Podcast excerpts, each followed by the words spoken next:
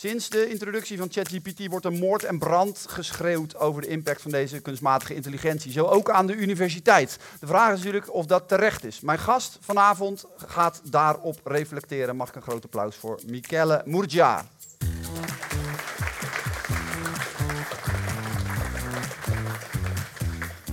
Gaan het hebben over ChatGPT, over dit soort taalmodellen. Ehm, maar eerst even die reactie. Hè. Introductie van dit taalmodel met veel bombarie. Iedereen dook er bovenop, ging uitproberen, ging praten met, hè, want dat kan met ChatGPT. Mhm. En toen was er een wat paniekerige reactie binnen de universiteit. Dat klopt, hè? Ja. Ja. Allerlei universiteiten. ja, wat gebeurde er binnen universiteiten, binnen de academische wereld? Wat was de reflex bij de introductie van ChatGPT? Nou, de eerste reflex is natuurlijk wantrouwen van de student. Dus dan gaat het over fraude. Ja. En eh, plagiaat eigenlijk. Dus hoe, eh, hoe kunnen we nog studenten tentamineren eh, als een, een AI de essays kan schrijven? Ja. Want die AI was zodanig goed dat ze dachten, dit, in ieder geval op bachelorniveau, dit kunnen we niet meer zo tentamineren.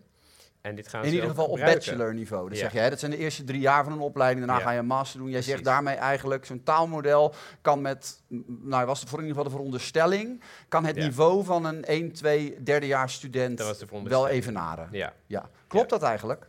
Eh, ligt er ten eerste aan wat voor student je bent? Nou, programmeren is iets heel anders natuurlijk dan eh, een paper schrijven. Eh, wiskunde is- is heel anders dan een paper schrijven. Mhm. Dus dat ligt eraan.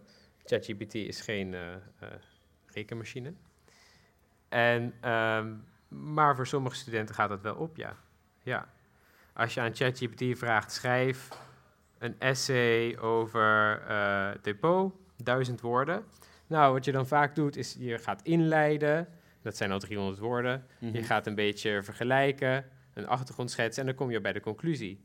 Dat kan ChatGPT prima. En Ja. dat, is- dat, dat Je zet wat standpunten van verschillende denkers met betrekking tot het onderwerp tegenover elkaar Ja. en je concludeert daar wat. Ja, Ja. Ja.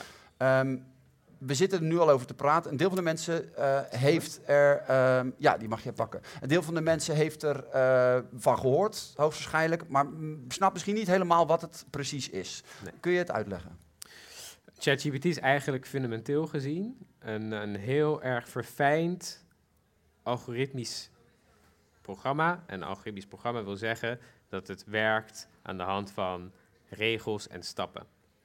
En kijkt eigenlijk naar hoe waarschijnlijk is het dat woorden verschijnen in een bepaalde zinvolgorde. Dus als jij eh, zegt eh, eh, hoeveel benen heeft een hond, dan is ChatGPT zo nagetraind op allerlei data om te denken, denken, naar alle waarschijnlijkheid is het antwoord 4. En dan zegt Chat- ChatGPT zegt dan 4. Ja. Dus in die zin is het, eh, wordt vaak in het veld wordt het een, eh, een eh, stochastic parrot genoemd, dus een, een, een naapende papegaai. Ja. Ehm, de wat je nu hier eigenlijk zegt is, ehm, het kan lezen, het kan schrijven. Of eh, maak ik het dan te simpel?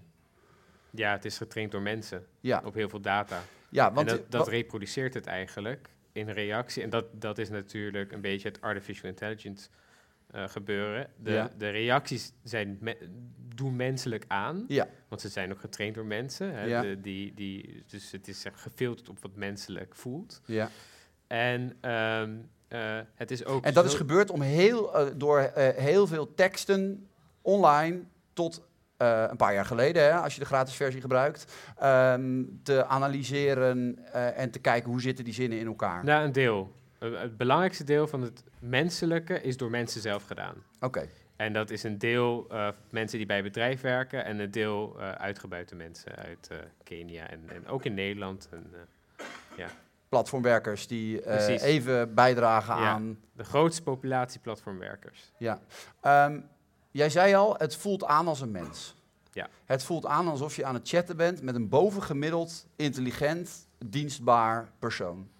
Zeg dat goed? Ja, dus soms niet even boven, bovengemiddeld intelligent, maar Ik moet bekennen dat ik nog niet zo'n verwend gebruiker was. Ik ben dit eh, gaan doen eh, in voorbereiding op dit gesprek natuurlijk wel. Ehm, het eerste wat ik deed was in het Engels praten tegen Ja. ChatGPT. Wat stom is, want eh, het snapt Nederlands.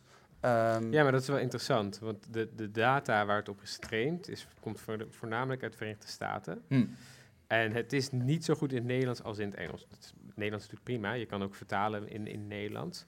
Ehm, maar dus als je een vraag stelt over de juridische context van Nederland, ja. gaat het veel vaker fouten Ah, maken zo. dan als het over eh, Ja. de juridische context van de USA Ja, ik ging heel bleu erin eh, en ChatGPT verbaasde mij. Eh, we heb, ik heb de hele chatgeschiedenis kunnen we hierachter tonen. Dat is voor eh, nou, wie het interessant vindt, kan daar, kan daar nog eens een keer naar kijken. Maar ik heb op een zeker moment gevraagd, ik ga Michele Muja interviewen, kun je die introduceren? Nou, toen zei hij, dat is een kunsthistoricus uit. Toen zei ik, nee, je moet de, degene die met kunstmatige intelligentie bezig is. Toen kwam er al heel snel, oh ja, nee, prima, aan de Erasmus Universiteit.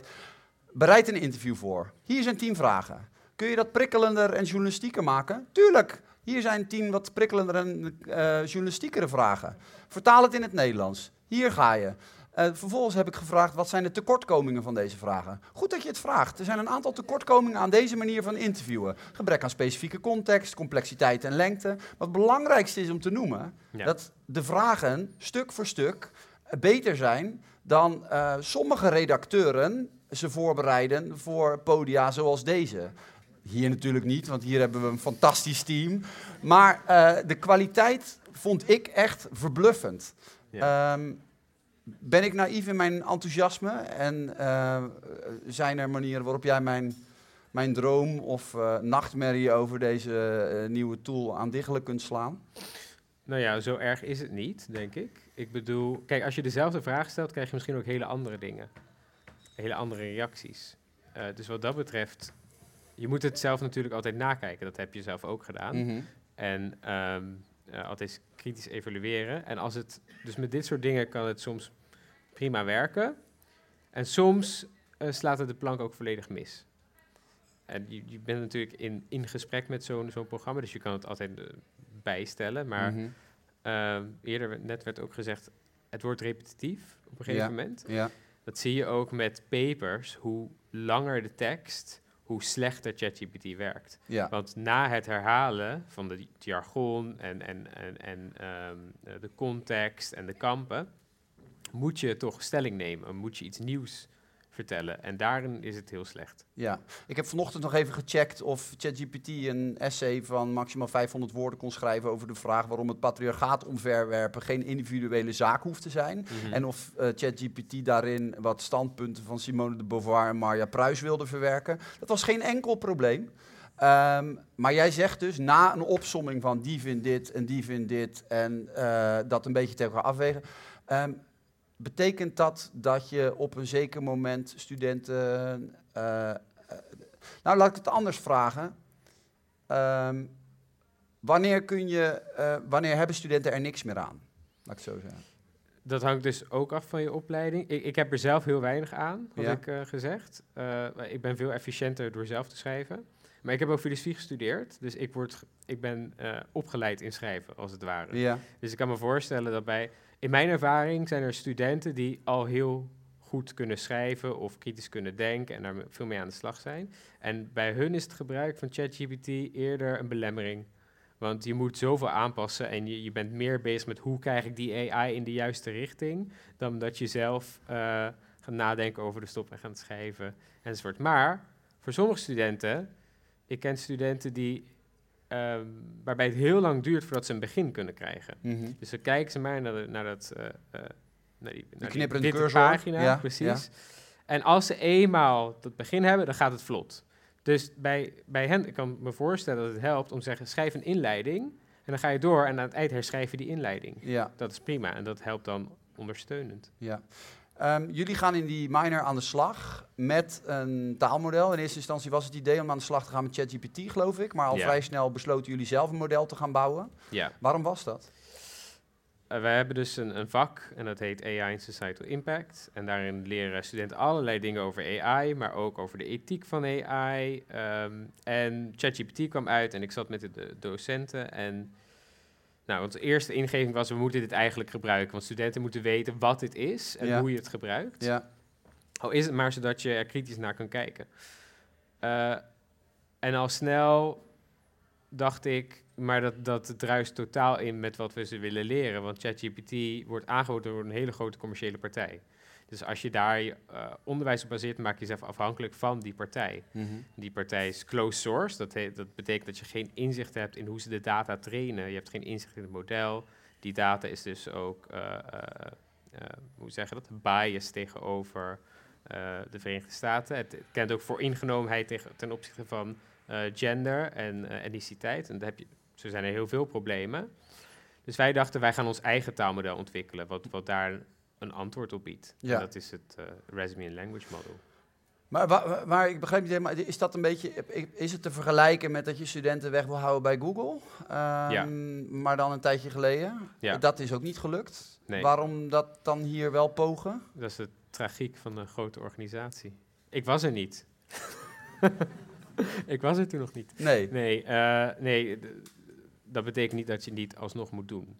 En ik denk ook zeker met, met het, de opkomst van AI is er meer speelruimte. En grappig dat je Google zegt, uh, universiteiten hebben vaak een licentie in Microsoft. Nou, Microsoft heeft een heel grote investering in ChatGPT.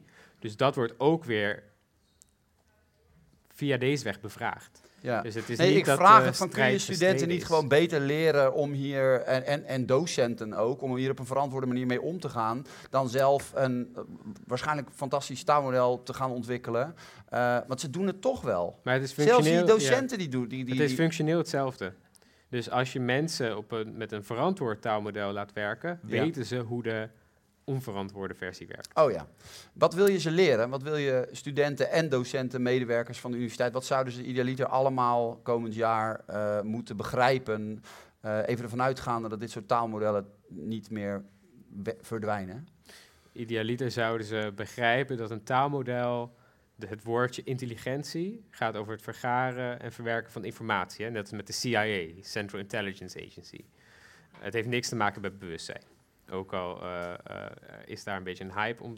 om. De, ik, ik, zou graag willen dat ze dat inzien. Het heeft niks te maken met intelligentie, maar het vergaren en het verwerken op een bepaalde manier van informatie. Mm -hmm. En dat ze dat uh, op een kritische manier kunnen analyseren en bestuderen en, en ermee kunnen werken.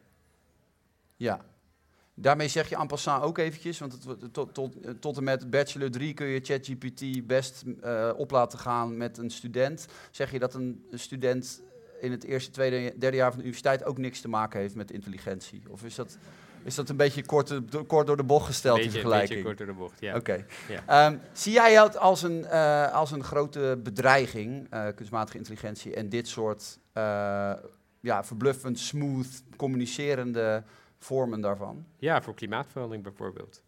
Dus het, het, prognose is dat AI straks 6% van de, alle carbon emissions uh, vormt. Net zoveel als het internet eigenlijk. Ja. ChatGPT kost zoveel per dag. Het is ongelooflijk. En dat is gewoon één taalmodel. Ja. Je hebt ook een taalmodel van Google. Je hebt een iedereen is taalmodel aan het maken. En dat is één vorm van AI. En dat is dan één taalmodel. En dat, uh, uh, de, de, uitstoot daarvan is enorm. Kost heel veel energie natuurlijk. Zoveel computationele kracht. Ja.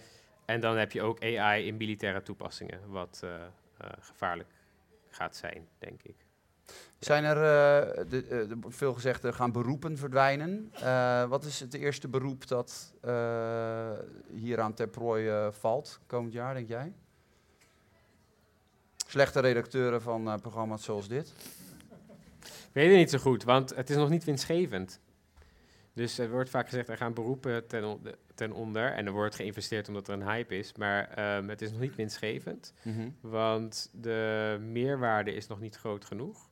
En natuurlijk, dit, dit heeft een soort van eigen werkelijkheid. Maar ik denk, oké, als, ik, als ik moet denken, denk ik misschien um, bepaalde HR-medewerkers.